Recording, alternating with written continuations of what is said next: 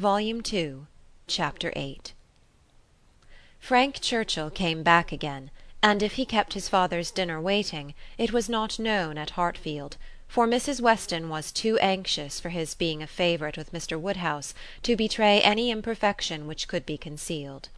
He came back, had had his hair cut, and laughed at himself with a very good grace, but without seeming really at all ashamed of what he had done. He had no reason to wish his hair longer, to conceal any confusion of face, no reason to wish the money unspent, to improve his spirits. He was quite as undaunted and as lively as ever, and after seeing him Emma thus moralised to herself. "I do not know whether it ought to be so. But certainly silly things do cease to be silly if they are done by sensible people in an impudent way. Wickedness is always wickedness, but folly is not always folly.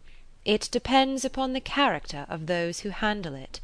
Mr. Knightley, he is not a trifling silly young man; if he were he would have done this differently. He would either have gloried in the achievement or been ashamed of it there would have been either the ostentation of a coxcomb or the evasions of a mind too weak to defend its own vanities. No, I am perfectly sure he is not trifling or silly. With Tuesday came the agreeable prospect of seeing him again, and for a longer time than hitherto; of judging of his general manners, and by inference of the meaning of his manners towards herself of guessing how soon it might be necessary for her to throw coldness into her air, and of fancying what the observations of all those might be who were now seeing them together for the first time. She meant to be very happy in spite of the scene being laid at Mr. Cole's, and without being able to forget that among the failings of Mr. Elton, even in the days of his favour, none had disturbed her more than his propensity to dine with Mr. Cole. Her father's comfort was amply secured, Mrs. Bates as well as Mrs. Goddard being able to come, and her last pleasing duty before she left the house was to pay her respects to them as they sat together after dinner, and while her father was fondly noticing the beauty of her dress, to make the two ladies all the amends in her power by helping them to large slices of cake and full glasses of wine, for whatever unwilling self-denial his care of their constitution might have obliged them to practise during the meal. She had provided a plentiful dinner for them; she wished she could know that they had been allowed to eat it. She followed another carriage to Mr. Cole's door, and was pleased to see that it was Mr. Knightley's; for Mr. Knightley, keeping no horses, having little spare money and a great deal of health, activity and independence, was too apt, in Emma's opinion, to get about as he could, and not use his carriage so often as became the owner of Donwell Abbey. She had an opportunity now of speaking her approbation while warm from her heart, for he stopped to hand her out. "This is coming as you should do," said she, "like a gentleman. I am quite glad to see you." He thanked her, observing, "How lucky that we should arrive at the same moment! for if we had met first in the drawing room, I doubt whether you would have discerned me to be more of a gentleman than usual. You might not have distinguished how I came by my look or manner." "Yes, I should; I am sure I should. There is always a look of consciousness or bustle when people come in a way which they know to be beneath them. You think you carry it off very well, I dare say; but with you it is a sort of bravado, an air of affected unconcern. I always observe it whenever I meet you under those circumstances. Now you have nothing to try for; you are not at all afraid of being supposed ashamed; you are not striving to look taller than anybody else. Now I shall really be very happy to walk into the same room with you." "Nonsensical girl!" was his reply, but not at all in anger. Emma had as much reason to be satisfied with the rest of the party as with Mr. Knightley. She was received with a cordial respect which could not but please, and given all the consequence she could wish for. When the Westons arrived, the kindest looks of love, the strongest of admiration, were for her, from both husband and wife. The son approached her with a cheerful eagerness which marked her as his peculiar object, and at dinner she found him seated by her, and, as she firmly believed, not without some dexterity on his side. The party was rather large, as it included one other family, a proper unobjectionable country family, whom the Coles had the advantage of naming among their acquaintance, and the male part of Mr. Cox's family, the lawyer of Highbury. The less worthy females were to come in the evening, with Miss Bates, Miss Fairfax, and Miss Smith; but already at dinner they were too numerous for any subject of conversation to be general, and while politics and Mr. Elton were talked over Emma could fairly surrender all her attention to the pleasantness of her neighbour. The first remote sound to which she felt herself obliged to attend was the name of Jane Fairfax. Mrs. Cole seemed to be relating something of her that was expected to be very interesting. She listened and found it well worth listening to. That very dear part of Emma, her fancy, received an amusing supply. Mrs. Cole was telling that she had been calling on Miss Bates, and as soon as she entered the room had been struck by the sight of a pianoforte, a very elegant looking instrument, not a grand but a large sized square pianoforte, and the substance of the story, the end of all the dialogue which ensured of surprise and inquiry, and congratulations on her side, and explanation on Miss Bates's, was that this pianoforte had arrived from Broadwood's the day before, to the great astonishment of both aunt and niece, entirely unexpected; that at first, by Miss Bates's account, Jane herself was quite at a loss, quite bewildered to think who could possibly have ordered it; but now they were both perfectly satisfied that it could be from only one quarter: of course it must be from Colonel Campbell. "One can suppose nothing else," added Mrs. Cole, "and I was only surprised that there could ever have been a doubt. But Jane, it seems, had a letter from them very lately, and not a word was said about it. She knows their ways best, but I should not consider their silence as any reason for their not meaning to make the present. They might choose to surprise her." Mrs. Cole had many to agree with her; everybody who spoke on the subject was equally convinced that it must come from Colonel Campbell, and equally rejoiced that such a present had been made; and there were enough ready to speak to allow Emma to think her own way, and still listen to Mrs. Cole. I declare I do not know when I have heard anything that has given me more satisfaction. It has always hurt me that Jane Fairfax, who plays so delightfully, should not have an instrument. It seemed quite a shame, especially considering how many houses there are where fine instruments are absolutely thrown away. This is like giving ourselves a slap, to be sure; and it was but yesterday I was telling Mr. Cole I really was ashamed to look at our new grand pianoforte in the drawing room, while I do not know one note from another and our little girls, who are but just beginning, perhaps may never make anything of it; and there is poor Jane Fairfax, who is mistress of music, has not anything of the nature of an instrument, not even the pitifullest old spinet in the world to amuse herself with. I was saying this to Mr. Cole but yesterday, and he quite agreed with me, only he is so particularly fond of music that he could not help indulging himself in the purchase, hoping that some of our good neighbours might be so obliging occasionally to put it to better use than we can, and that really is the reason why the instrument was bought, or else I am sure we ought to be ashamed of it. We are in great hopes that Miss Woodhouse may be prevailed with to try it this evening. Miss Woodhouse made the proper acquiescence, and finding that nothing more was to be entrapped from any communication of Mrs. Cole's, turned to Frank Churchill. "Why do you smile?" said she. "Nay, why do you?" "Me? I suppose I smile for pleasure at Colonel Campbell's being so rich and so liberal. It is a handsome present." "Very." "I rather wonder that it was never made before." Perhaps Miss Fairfax has never been staying here so long before." "Or that he did not give her the use of their own instrument, which must now be shut up in London, untouched by anybody." "That is a grand pianoforte, and he might think it too large for Mrs. Bates's house." "You may say what you choose, but your countenance testifies that your thoughts on this subject are very much like mine." "I do not know. I rather believe you are giving me more credit for acuteness than I deserve. I smile because you smile, and shall probably suspect whatever I find you suspect; but at present I do not see what there is to question. If Colonel Campbell is not the person, who can be?" "What do you say to Mrs. Dixon?" Mrs. Dixon! Very true indeed. I had not thought of Mrs. Dixon. She must know, as well as her father, how acceptable an instrument would be; and perhaps the mode of it, the mystery, the surprise, is more like a young woman's scheme than an elderly man's. It is, Mrs. Dixon, I dare say. I told you that your suspicions would guide mine." "If so, you must extend your suspicions, and comprehend Mr. Dixon in them."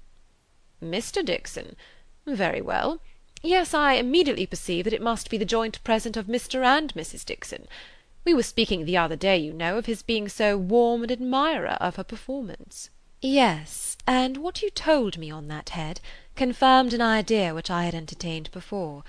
I do not mean to reflect upon the good intentions of either Mr. Dixon or Miss Fairfax, but I cannot help suspecting either that, after making his proposals to her friend, he had the misfortune to fall in love with her, or that he became conscious of a little attachment on her side. One might guess twenty things without guessing exactly the right, but I am sure there must be a particular cause for her choosing to come to Highbury instead of going with the Campbells to Ireland. Here she must be leading a life of privation and penance; there it would have been all enjoyment. As to the pretence of trying her native air, I look upon that as a mere excuse. In the summer it might have passed, but what can anybody's native air do for them in the months of January, February, and March? Good fires and carriages would be much more to the purpose in most cases of delicate health, and I dare say in hers. I do not require you to adopt all my suspicions, though you make so noble a profession of doing it; but I honestly tell you what they are." "And upon my word, they have an air of great probability. Mr. Dixon's preference of her music to her friends I can answer for being very decided." "And then he saved her life. Did you ever hear of that? a water party, and by some accident she was falling overboard. He caught her." "He did. I was there, one of the party." "Were you really? Well! But you observed nothing, of course, for it seems to be a new idea to you. If I had been there, I think I should have rather made some discoveries." "I dare say you would. But I, simple I, saw nothing but the fact that Miss Fairfax was very nearly dashed from the vessel and that Mr. Dixon caught her. It was the work of a moment. And though the consequent shock and alarm was very great and much more durable, indeed I believe it was half an hour before any of us were comfortable again, yet that was too general a sensation for anything of peculiar anxiety to be observable. I do not mean to say, however, that you might not have made discoveries." The conversation was here interrupted. They were called on to share in the awkwardness of a rather long interval between the courses, and obliged to be as formal and as orderly as the others; but when the table was again safely covered, when every corner dish was placed exactly right, and occupation and ease were generally restored, Emma said, "The arrival of this pianoforte is decisive with me. I wanted to know a little more, and this tells me quite enough. Depend upon it, we shall soon hear that it is a present from Mr. and Mrs. Dixon." And if the Dixons should absolutely deny all knowledge of it, we must conclude it to come from the Campbells." "No, I am sure it is not from the Campbells. Miss Fairfax knows it is not from the Campbells, or they would have been guessed at first. She would not have been puzzled had she dared fix on them. I may not have convinced you, perhaps, but I am perfectly convinced myself that Mr. Dixon is a principal in the business." "Indeed, you injure me if you suppose me unconvinced. Your reasonings carry my judgment along with them entirely. At first, while I supposed you satisfied that Colonel Campbell was the giver, I saw it only as paternal kindness, and thought it the most natural thing in the world; but when you mentioned Mrs. Dixon, I felt how much more probable that it should be the tribute of warm female friendship; and now I can see it in no other light than as an offering of love." There was no occasion to press the matter farther. The conviction seemed real; he looked as if he felt it. She said no more; other subjects took their turn, and the rest of the dinner passed away, the dessert succeeded, the children came in, and were talked to and admired amid the usual rate of conversation; a few clever things said, a few downright silly, but by much the larger proportion neither the one nor the other; nothing worse than everyday remarks, dull repetitions, old news, and heavy jokes. The ladies had not been long in the drawing room before the other ladies, in their different divisions, arrived. Emma watched the entrée of her own particular little friend, and if she could not exult in her dignity and grace, she could not only love the blooming sweetness and the artless manner, but could most heartily rejoice in that light, cheerful, unsentimental disposition which allowed her so many alleviations of pleasure in the midst of the pangs of disappointed affection. There she sat, and who would have guessed how many tears she had lately been shedding? To be in company, nicely dressed herself and seeing others nicely dressed, to sit and smile and look pretty and say nothing, was enough for the happiness of the present hour. Jane Fairfax did look and move superior, but Emma suspected she might have been glad to change feelings with Harriet, very glad to have purchased the mortification of having loved, yes, of having loved even Mr. Elton in vain, by the surrender of all the dangerous pleasure of knowing herself beloved by the husband of her friend. In so large a party it was not necessary that Emma should approach her. She did not wish to speak of the pianoforte; she felt too much in the secret herself to think the appearance of curiosity or interest fair, and therefore purposely kept at a distance; but by the others the subject was almost immediately introduced, and she saw the blush of consciousness with which congratulations were received, the blush of guilt which accompanied the name of "my excellent friend Colonel Campbell." Mrs. Weston, kind hearted and musical, was particularly interested by the circumstance, and Emma could not help being amused at her perseverance in dwelling on the subject, and having so much to ask and to say as to tone, touch and pedal, wholly unsuspicious of that wish of saying as little about it as possible which she plainly read in the fair heroine's countenance. They were soon joined by some of the gentlemen, and the very first of the early was Frank Churchill. In he walked, the first and the handsomest, and after paying his compliments en passant to Miss Bates and her niece, made his way directly to the opposite side of the circle, where sat Miss Woodhouse, and till he could find a seat by her would not sit at all. Emma divined what everybody present must be thinking; she was his object, and everybody must perceive it. She introduced him to her friend Miss Smith, and at convenient moments afterwards heard what each thought of the other.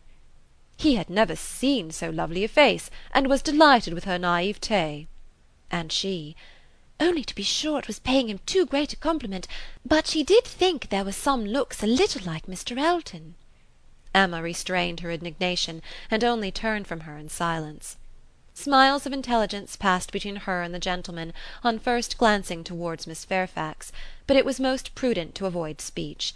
He told her that he had been impatient to leave the dining room, hated sitting long, was always the first to move when he could, that his father, Mr. Knightley, Mr. Cox and Mr. Cole were left very busy over parish business, that as long as he had stayed, however, it had been pleasant enough, as he had found them in general a set of gentlemanlike sensible men, and spoke so handsomely of Highbury altogether, thought it so abundant in agreeable families, that Emma began to feel she had been used to despise the place rather too much. She questioned him as to the society in Yorkshire, the extent of the neighbourhood about Enscombe and the sort, and could make out from his answers that as far as Enscombe was concerned there was very little going on, that their visitings were among a range of great families, none very near, and that even when days were fixed, and invitations accepted, it was an even chance that Mrs. Churchill was not in health and spirits for going, that they made a point of visiting no fresh person and that, though he had his separate engagements, it was not without difficulty, without considerable address at times, that he could get away or introduce an acquaintance for a night. She saw that Enscombe could not satisfy, and that Highbury, taken at its best, might reasonably please a young man who had more retirement at home than he liked. His importance at Enscombe was very evident. He did not boast, but it naturally betrayed itself, that he had persuaded his aunt where his uncle could do nothing, and on her laughing and noticing it, he owned that he believed, excepting one or two points, he could with time persuade her to anything. One of those points on which his influence failed he then mentioned; he had wanted very much to go abroad, had been very eager indeed to be allowed to travel, but she would not hear of it. This had happened the year before.